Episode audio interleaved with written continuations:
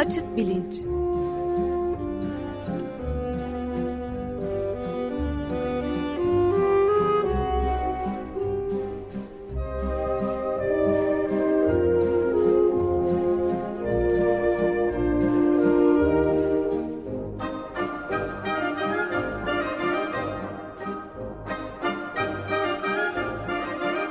Güven Güzeldere ile bilim ve felsefe sohbetleri. Günaydın Güven Bey, merhabalar. Günaydın Ömer Bey. Günaydın. Günaydın Özdeş. Açık Bilinç'te bilimde sahtecilik serisi diyelim, onun son bölümünü yapıyoruz değil mi bugün? Siz tanıtımını yapar mısınız? Evet, son iki haftadır bilimde tuhaflıklar ve sahteciliklerden konuşuyorduk. İki hafta önce e, serinin ilk bölümünde Profesör e, Selim Badur konuk olmuştu. Geçen hafta da Profesör Selim Badur'un yanına doçent Fatih Artvinli katıldı. E, bilim tarihi perspektifinden de bakmak için. E, aslında herhalde bunu böylece bitirmiş oluruz diye düşünüyordum ama aklıma bir iki bir şey daha geldi. E, değinmediğimiz, fırsat olmayan onları e, toparlayayım öyle bitirelim e, diye düşündüm. Dolayısıyla Bilimde Sahtecilikler serisinin son programı gibi düşünülebilir bu. E, benim e, aklıma gelenler de aslında e, daha önceki iki haftada söylenen şeylerin tetiklediği e, bir takım çağrışımlarla oldu. Mesela şuradan başlayayım. Selim Badur ilk bölümde e, hangi ülkelerde bilimsel sahteciliğin daha çok yapıldığına dair bir takım istatistikler vermişti. E, yani hangi ülkede daha çok e, hangi ülkenin yazarlarının makaleleri bilimsel dergilerde yayınlandıktan daha sonra geri çekilmek e, durumunda ya da zorunda bırakılıyor. Genellikle geri çekilmek zorunda kalması bir makalenin o makalenin yazılırken bir sahtecilik içerdiğinin göstergesi oluyor. E, şimdi bu listede mesela e, en tepelerde Japonya var. Bu bana biraz şaşırtıcı geldi çünkü bir taraftan şöyle düşünüyordum.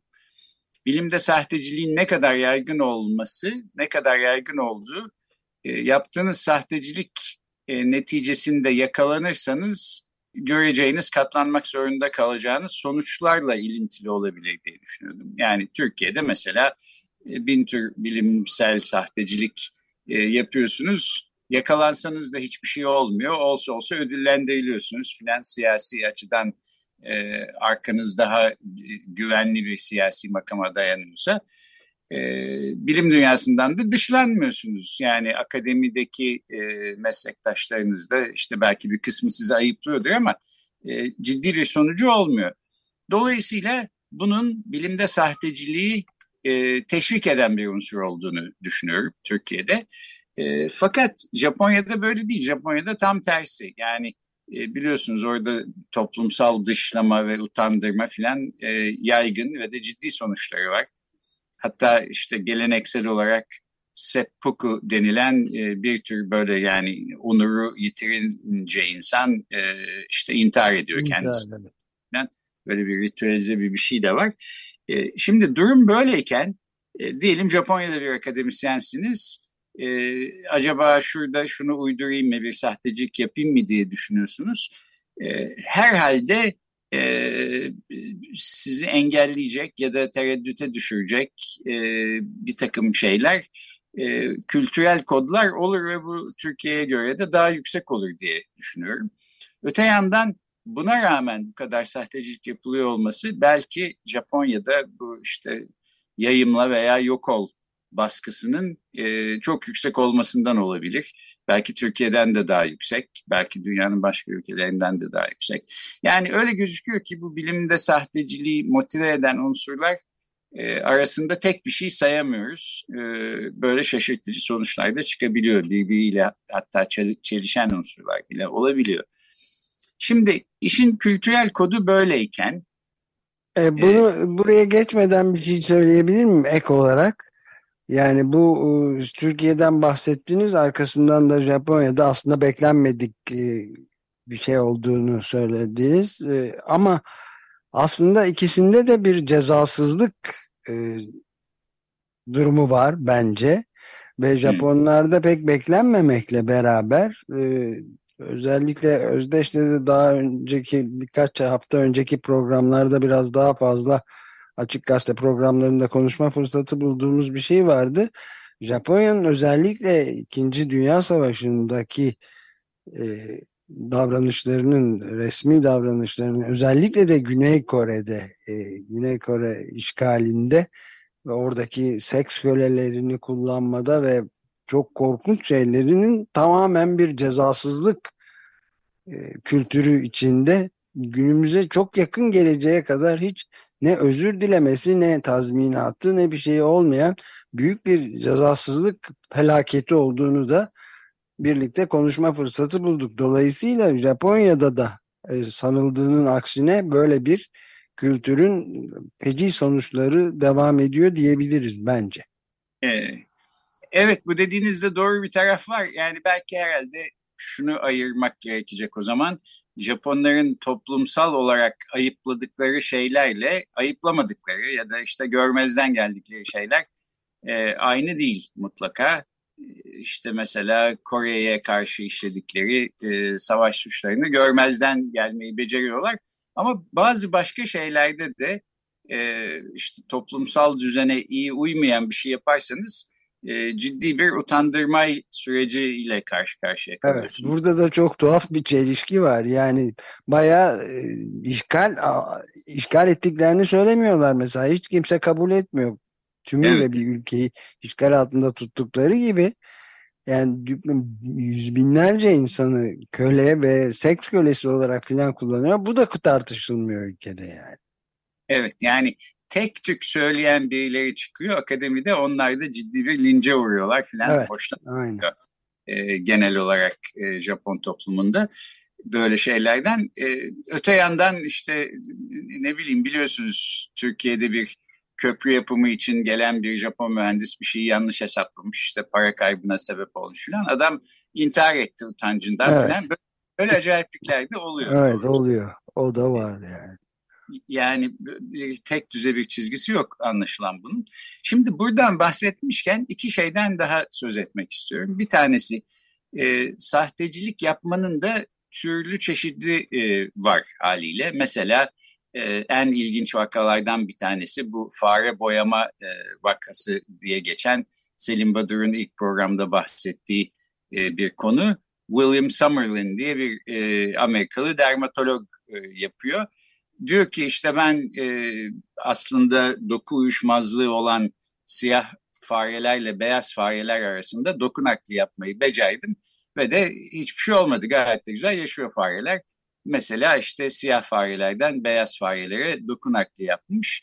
E, beyaz fareler e, yaşamaya devam ettikleri gibi bir de üstlerinde yani e, işte bu tüylerinde e, siyah bir takım noktalar, öbekler oluşmuş. O da e, siyah fareden doku naklinin e, ispatı olarak e, sunuluyor. Şimdi bu aslında çok iktidai bir e, sahtecilik ve son derece analog bir şey. Çünkü adam bir takım beyaz farelerden beyaz farelere doku nakli yapmış. Doku nakli yaptığı bazı beyaz fareleri de siyah keçeli kalemle boyamış. E, dolayısıyla bak bu siyaha döndü falan diye fotoğrafını çekip aldatıyor. E, yani bu işlerin olduğu zamanlarda henüz Photoshop falan gibi dijital teknolojiler de yok. Dolayısıyla e, belki inandırması daha kolay oluyor ama işte bir gün asistanı fareleri temizleyeyim diye e, alkole batırılmış e, pamukla e, sildiği zaman fareleri bu siyah lekelerin çıktığını fark ediyor. Zaten skandalda önce patlak veriyor filan. Bu belki yapabileceğiniz sahtekarlıkların e, en iptidaisi ve en basit hali. E, başka şeyler de yapanlar oluyor. Yani mesela işte arıyorsunuz internette bir makale buluyorsunuz. Sizin e, yazmaya çalıştığınız makaleye uyacak bir şeyler söylüyor. Onu oradan kesip yapıştırıyorsunuz. E, şimdi bu e, herkesin başına gelebilir. Yani benim de mesela e, öğrencilerin dönem ödevlerini ya da final ödevlerini okurken başıma geldi. Şöyle düşünmek mümkün herhalde. Ya internet böyle e, derya gibi bir yer. Yani orada kim nereden bulacak da işte bilmem bir kütüphanenin köşesinde kalmış bir kitabın içindeki yarım sayfayı alsam, kopyalasam, kendi yazım gibi koysam ne imkanı yok fark edilmesine falan diye düşünülebilir.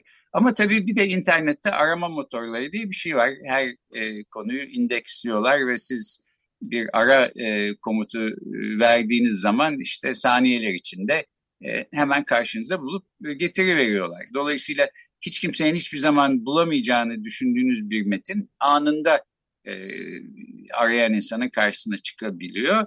Benim için de öyle oldu. Çok da tatsız bir deneyim doğrusu. Yani e, işte öğrenciniz bir kağıt yazmış, bir makale yazmış, güzel bir şey de yazmışa benziyor. Fakat bir kısmını belki gözünüz ısırıyor bir yerden aşina gibisiniz. İşte bir arama motorunda bir arama yapar yapmaz bir buçuk saniye içinde de buluyorsunuz ki aslında başkasına yazdığı bir şeyleri kesip oraya koymuş filan e, öğrenciniz. Hoş bir şey değil. E, sonuçları da çok ciddi olabiliyor. Bundan bahsetmiştim galiba bir sefer Amerika Birleşik Devletleri'nde özellikle. Her halükarda bu programı da bunları söyleyerek bitireceğim bir e, 10-15 dakika sonra. Yani bu tür sahtecilikler e, yapmaya değmiyor ve bu sahtecilikler hemen her zaman ortaya çıkıyor bir şekilde. Bugün çıkmazsa yarın çıkıyor.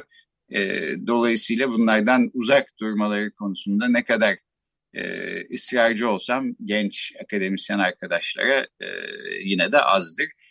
Şimdi bir başka peki e, işte kestik kopyaladık falan. Bunun dışında ne yapabiliriz? Şunu yapabilirsiniz yani mesela diyebilirsiniz ki e, yani kimsenin kulağına kar suyu kaçsın diye söylemiyorum ama bir e, deney tasarladınız. Bu deneyi yapacaksınız ve bulgu toplayacaksınız. Buna göre de işte bir hipotezi mesela sınayacaksınız, test edeceksiniz. Fakat tabii e, bulgu toplamak, veri toplamak çok uzun ve meşakkatli bir iş. E, çünkü işte deneyi tasarladığınız ekipman çalışmayabilir. O ekipmanı belki kiralıyorsunuz işte böyle beyin görüntüleme falan gibi bir konuda çalışıyorsanız e, ciddi fonlara ihtiyacınız var. E, denek olarak e, işte gelecek olan kişi son anda gelmekten vazgeçer falan yani böyle bir günde yapılabilecek işler değil. Bazen aylar sürüyor. Bazı deneylerin sonuçlanması e, seneleri buluyor filan. E, bazen de insanlar bundan sıkılıyorlar. Yani e, bir örnek vereceğim şimdi. E, Harvard Üniversitesi'nde çok e, tanınmış, ünlenmiş ve okul içinde de işte çok e, güce kuvvete sahip Mark Hauser diye bir e, bilimci vardı, bir bilim insanı.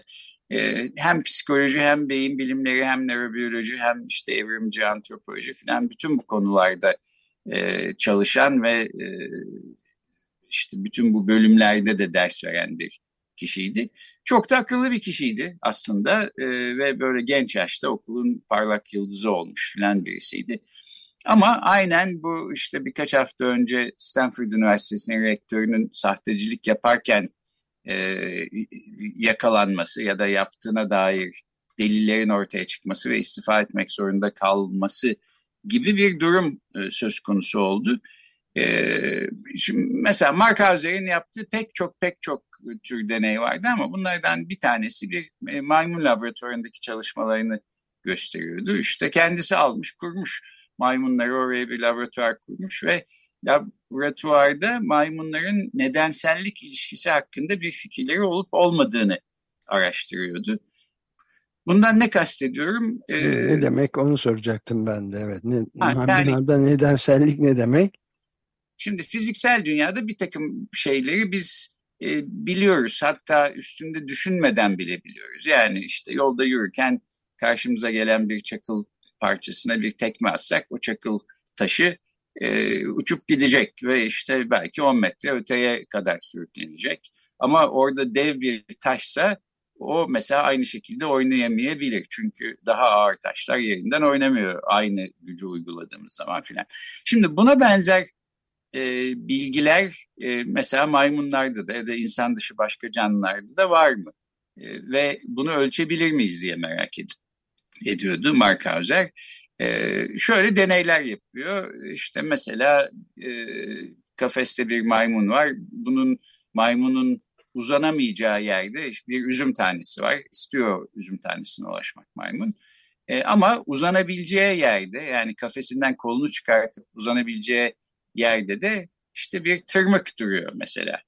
E, şimdi maymun eğer e, tırmığın nasıl çalıştığı konusunda iyi kötü bir fikre sahipse tırmığı ucundan tutup işte o demir tarafıyla üzümü kendisine yaklaştırabilir. Öylece alabilir.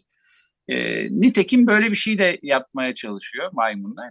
Fakat işte tırmığın mesela o metal aksamıyla ahşap aksamı e, arasında bir kopukluk var diyelim. Ucundan çekiyorsunuz tamamı gelmiyor. Ya da işte Mark Hauser bu şeyi e, tırmığı işte süngerden yaptırmış. Dolayısıyla e, her ne kadar tahta ve metale benziyorsa da öyle değil öyle davranmıyor. Nedensellik etkileşimleri bu e, aracın farklı oluyor. Böyle bir şeyle karşılaştığı zaman maymun yani çekti tırmığı işte ucu gelmedi tırmığın falan şaşırıyor mu? E, nereden bileceğiz? E, maymuna da soramıyoruz tabii sen şaşırıyor musun kardeşim bunu böyle gördüğün zaman diye. E, ne kadar zaman o nesneye bakarak e, zaman harcıyor maymun bunu ölçüyordu Mark Hauser. Yani e, maymunlar sahiden şaşırmadıkları, doğal buldukları durumda işte çok fazla bakmazken olan bitene e, şaşırtıcı bir durumla karşılaştıkları zaman gözlerini alamıyorlar. 3 saniye, 5 saniye, 15 saniye daha uzun bakıyorlar filan. Şimdi bu e, aslında bu da meşakkatli bir deney. Yani bu deneyi defalarca defalarca yapacaksınız maymunlarla. Sonra hangi kaç saniye nereye bakmış diye ölçeceksiniz. Bunu işte bir taraftan da videoya kaydedeceksiniz ve bu kayıtları tutacaksınız. Elinizde tutmanız lazım çünkü birisi ileride e, ya sen bu verileri uydurmuşsun derse işte uydurmadım bak burada diye gösterebilmeniz lazım. E, neyse bu konularda Mark Hauser hep şöyle diyordu e, kendisiyle konuştuğum zaman yani bir sahtecilik olduğu konusunda hiçbir fikrim yoktu ama sonradan e, düşündüğüm zaman şöyle birkaç konuşmayı hep hatırladım. Diyordu ki ya ben bu maymunların aslında her an ne yapacaklarını artık tamamıyla öğrendim, biliyorum. Yani onlardan daha akıllıyım çünkü falan öyle bir akıl yürütmesi vardı. Zaten e, işte böyle kimseleri beğenmeyen çoğu insanı biraz e, aşağı gören filan e, dolayısıyla konuşmaktan kaçınan filan da o açıdan da pek sevilen de bir adam e, değildi doğrusu. E, neyse fakat nasıl davranacaklarını ben biliyorum maymunların ama her zaman öyle davranmıyorlar diyor. Yani işte sabah geliyorsunuz laboratuvara yağmur yağıyor dışarıda güneş yok kapalı bir hava maymunun da e, keyfi yok e, istemiyor deneye katılmak siz üzüm de verseniz vermeseniz de ne yaparsanız yapın hareket etmiyor. E, işte oraya üzümü koyuyorsunuz, yanına tırmığı koyuyorsunuz. Hiç bir köşede oturuyor filan. E şimdi o, o gün öyle geçti. Ertesi gün bir daha denemeniz lazım. Yani maymunun keyfi olacak, işte her bir şey çalışacak, ekipmanlar düzgün olacak filan. Bunlar e, aylar süren işler gerektiriyordu. Benim anladığım Mark Hauser bazı çalışmalarında sanki bu e, gözlemleri yapmış gibi bir takım verileri girmiş. İşte bir Excel e, sayfası açıyorsunuz ve bir takım veriler giriyorsunuz. Bu tabii e, herkesin yapabileceği bir iş değil. Çünkü bir kere önce deneyi tasarlamanız lazım ki e, uyduruyor olsanız bile verileri o deneye uygun e, veriler olması ve işte bir sonuca hizmet etmesi lazım filan. Dolayısıyla ben şöyle bir e, sayfa açayım da önüme işte 3-5 gibi numaralar yazayımden ibaret değil. Daha komplike bir iş ama yapması gereken her şeyi yapmamış bu adam. Ve bir takım e, verileri kendisi sanki gözlemlemiş gibi uydurup yazmış.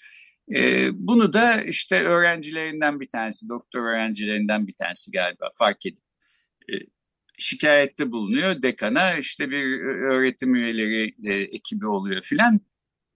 Şimdi bundan ne kadar haberi vardı Mark Hauser'ın ne kadar yoktu bilmiyorum ama bir noktada Avustralya'ya bir konferansa gitti. Ee, onun gitmesinden faydalanarak işte bir e, öğretim üyeleri ekibi laboratuvarına girmişler. Dekandan anahtarı almışlar. İşte oradaki e, videoları, kayıtları falan incelemişler ve görmüşler ki bazı şeylerin kaydı sahiden yok. E, neyse bu konu gündeme geldi. Adam istifa etmek zorunda kaldı. Yani e, o gün bugündür de ismi duyulmuyor. Bu yaklaşık 10 senelik falan bir hikaye, 10-15 senelik bir hikaye. E, çok güçlü bir konumdan birden işte böyle kendini kapının dışında e, bulmuş gibi oldu. Dolayısıyla bir de şu var yani mesela Mark Hauser gibi birinin e, işte yayımla ya da yok ol gibi bir baskıyla hareket ettiğini söylemek de zor. Çünkü zaten oralara geçmiş bir kişiydi. Yani e, yayımlamasa da hayatın sonuna kadar bir şey yok olacak bir hali yoktu ama e, belli ki yayımlamak istiyordu işte ve e, ne olacağını da e, uzun uzun deneyle e, bulmak yerine işte zaten kendisi bildiğini düşündüğünden onları da oraya koyuyordu filan. E, dolayısıyla e, sonuçta sahteciliğinde türlü çeşitli halleri var. İşte bir tanesi de bu. Ben e, de Ama, bu konuda bir ufak ilave önerisinde bulunabilir miyim? Yani e, Harvard Üniversitesi'ndeki tek e, yani cezasızlık örneği burada olmayabilir ama mesela şeyin ünlü Lawrence Summers yani Harvard Üniversitesi'nin en ünlü isimlerinden biri herhalde. Hem rektörlük hem her şey yaptı yani ekonomist. Ama daha 1990'lı yılların başında yanlış hatırlamıyorsam çok ciddi bir sahtekarlıkla e, malul bir şey vardı. Daha 1991'in başında daha doğrusu 1991 sonunda Dünya Bankası'ndayken bir memorandum evet. imzaladığını ve basına sızdığını da hatırlıyorum. Yani özel bir memo e, sonradan onu Summers onu alay için sarkazm yapmak için söyledi diyorlar ama aslında bir takım kirli maddelerin, toksik e, atıkların e, en düşük ücretli olan ülkeye e, atılmasının kaçınılmaz olduğunu ve mükemmel olduğunu bunun yapılması gerektiğini söyleyen bir notu or ortaya çıkmıştı. Ve Afrika'daki en yoksul ülkelerin yani daha doğrusu düşük nüfuslu ülkelerin de e, kirlenmemiş olduklarını e, belirten bir nottu ve bu sızma basına sızdı ama hemen savunmasını da şey yaptılar. Larry Summers'ın bu kariyerini hiç etkilemedi bildiğim kadarıyla. Clinton yönetiminde de Merkez Bankası, Amerikan Bankası olarak çalıştı filan. Yani Amerika'da da bu oluyor. Yani bu savunması mesela bunun bu sızan şeyin bir alay için söyledim söyledim diyorlar. Yani aslında Larry e, Summers'ı ve Dünya Bankası'nı karalamak için yapılmış bir olay, casusluk olayıdır diye de savundular hatta. Yani tam bir skandal olması gereken şey öyle atlatılmıştı. Öyle bir cezasızlık örneğini de birden aklıma gelince hatırladım yani. Evet. Tabii çok doğru yani e, cezasızlık belki her yerde e, kısmen var. Akademinin mükemmel olduğu hiçbir yer yok. Amerika Birleşik Devletleri de buna dahil bazen işte belki Türkiye'de görmeye alışık olmadığımız türde cezalandırmalar Amerika'da karşımıza çıkıyor. Stanford Üniversitesi'nde rektörün istifa etmek zorunda kalması falan gibi ama e, bazen de olmuyor böyle şeyler. İşte bu Larry Summers örneğinde sizin anlattığınız gibi.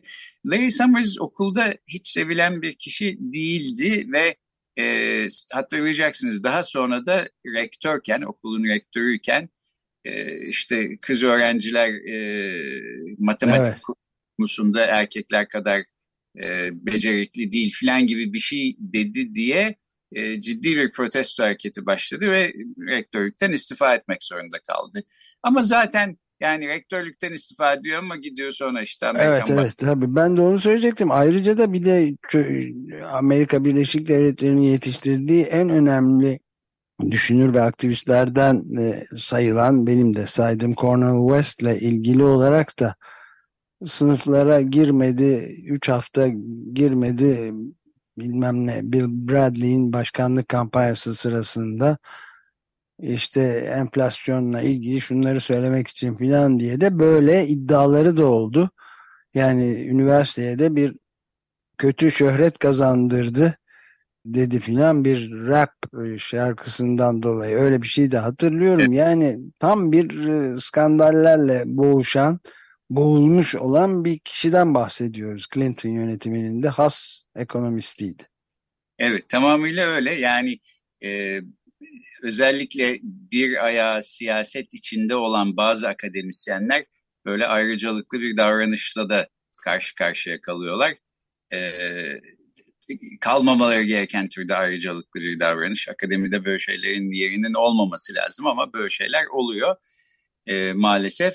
Son bir örnek daha vereceğim e, sahtekarlık anlamında. Bu sahtecilik gibi gözükmeyebilir ama e, nörobilimde özellikle mesela bütün dünyada üstünde çok konuşulan bir konu bu günlerde. Çalışmayan bulguyu yok sayabilir misiniz? Yoksa illa onu da e, işte bir şekilde e, duyurmak zorunda mısınız? Şimdi şöyle düşünülebilir yani ya ben bir deney yapmaya çalışıyorum buradan bir şey bulmaya çalışıyorum ama her zaman çalışmıyor bu deney. Yani niye? İşte mesela denek gelmiyor ya da e, o gün iptal etmek zorunda kalıyoruz ya da denek geliyor da işte çalışmanın yarısında tuvalete gitmem lazım affedersiniz diyor. Yarım kalıyor yeniden başlıyoruz ya da başlayacak vakit kalmıyor falan falan. E şimdi bunları da uzun uzun anlatmanın e, yeri yok diye düşünüyor bazı insanlar. Zaten e, bilimsel dergilerde e, yer de olmuyor. Yani kelime sayısı açısından da bir kısıtlama altındaysanız şunu şunu yaptım çalışmadı, bunu bunu yaptım çalışmadı e, demiyorsunuz. Şunu yaptım çalıştı, bunu yaptım çalıştı diyorsunuz. Fakat neyin çalışmadığını söylemeyerek aslında e, bilimsel e, ilerlemeye engel oluyorsunuz ciddi bir şekilde. Şimdi biraz beylik bir örnek olacak ama bir örnek vererek bitireyim. Diyelim e, elinizde bir bozuk para var ve yazı tura atıyorsunuz. Yüz defa attınız. E, şimdi yaklaşık olarak işte bu yazı turaların e, yarısının yazı yarısının tura gelmesi lazım. 100 ee, seferde belki tam 50-50'yi bulamayabilirsiniz ama sayılar büyüdükçe sonsuza doğru gittikçe işte %50 %50 şeklinde bölünüyor olasılık. Burada da işte diyelim 46 defa yazı geldi, 54 defa tura geldi. Şimdi bunu bu şekilde e, yayımlamak bir şey. Yani 100 defa attım 46 yazı geldi 54'ü tura geldi diyebilirsiniz. Veya diyelim yalnızca yazı gel gelmesiyle ilgileniyorsunuz turaları işte yanlış sonuç diye düşünüp e, çalışmayan bir bulgu diye kenara itiyorsunuz. Ve şöyle diyorsunuz 46 defa e, yazı tura attım 46 defa yazı geldi. Doğru mu? Doğru. Yani 46 e, defa attınız. E, sahiden 46 defa yazı geldi. 54 defa daha atmış durumdasınız aslında. Eksik bu dediğiniz. Onlarda evet. da tura gelmiş ama onu görmezden geliyorsunuz. Fakat tabii böyle bir şey olsa yani e, hileli bir e, şey değil, bozuk para değil. 46 defa atıyorsunuz. 46'sında da yazı geliyor. E, dünyayı alt üst edecek bir sonuç olurdu. E, dolayısıyla bence çalışmayan bulgunun da bir şekilde duyurulması, en azından bir veri tabanında olması, e, benzer çalışmalar yapan insanların gidip oralara bakabilmesi falan önemli diye düşünüyorum. Evet. Bu şekilde Bilimde sahtekarlık tuhaflık evet serisini böylece e, bitirmiş olalım. Tamam çok teşekkür ederiz. Peki ben teşekkür ederim. Görüşmek, Görüşmek üzere. üzere. Görüşmek üzere. Hoşçakalın.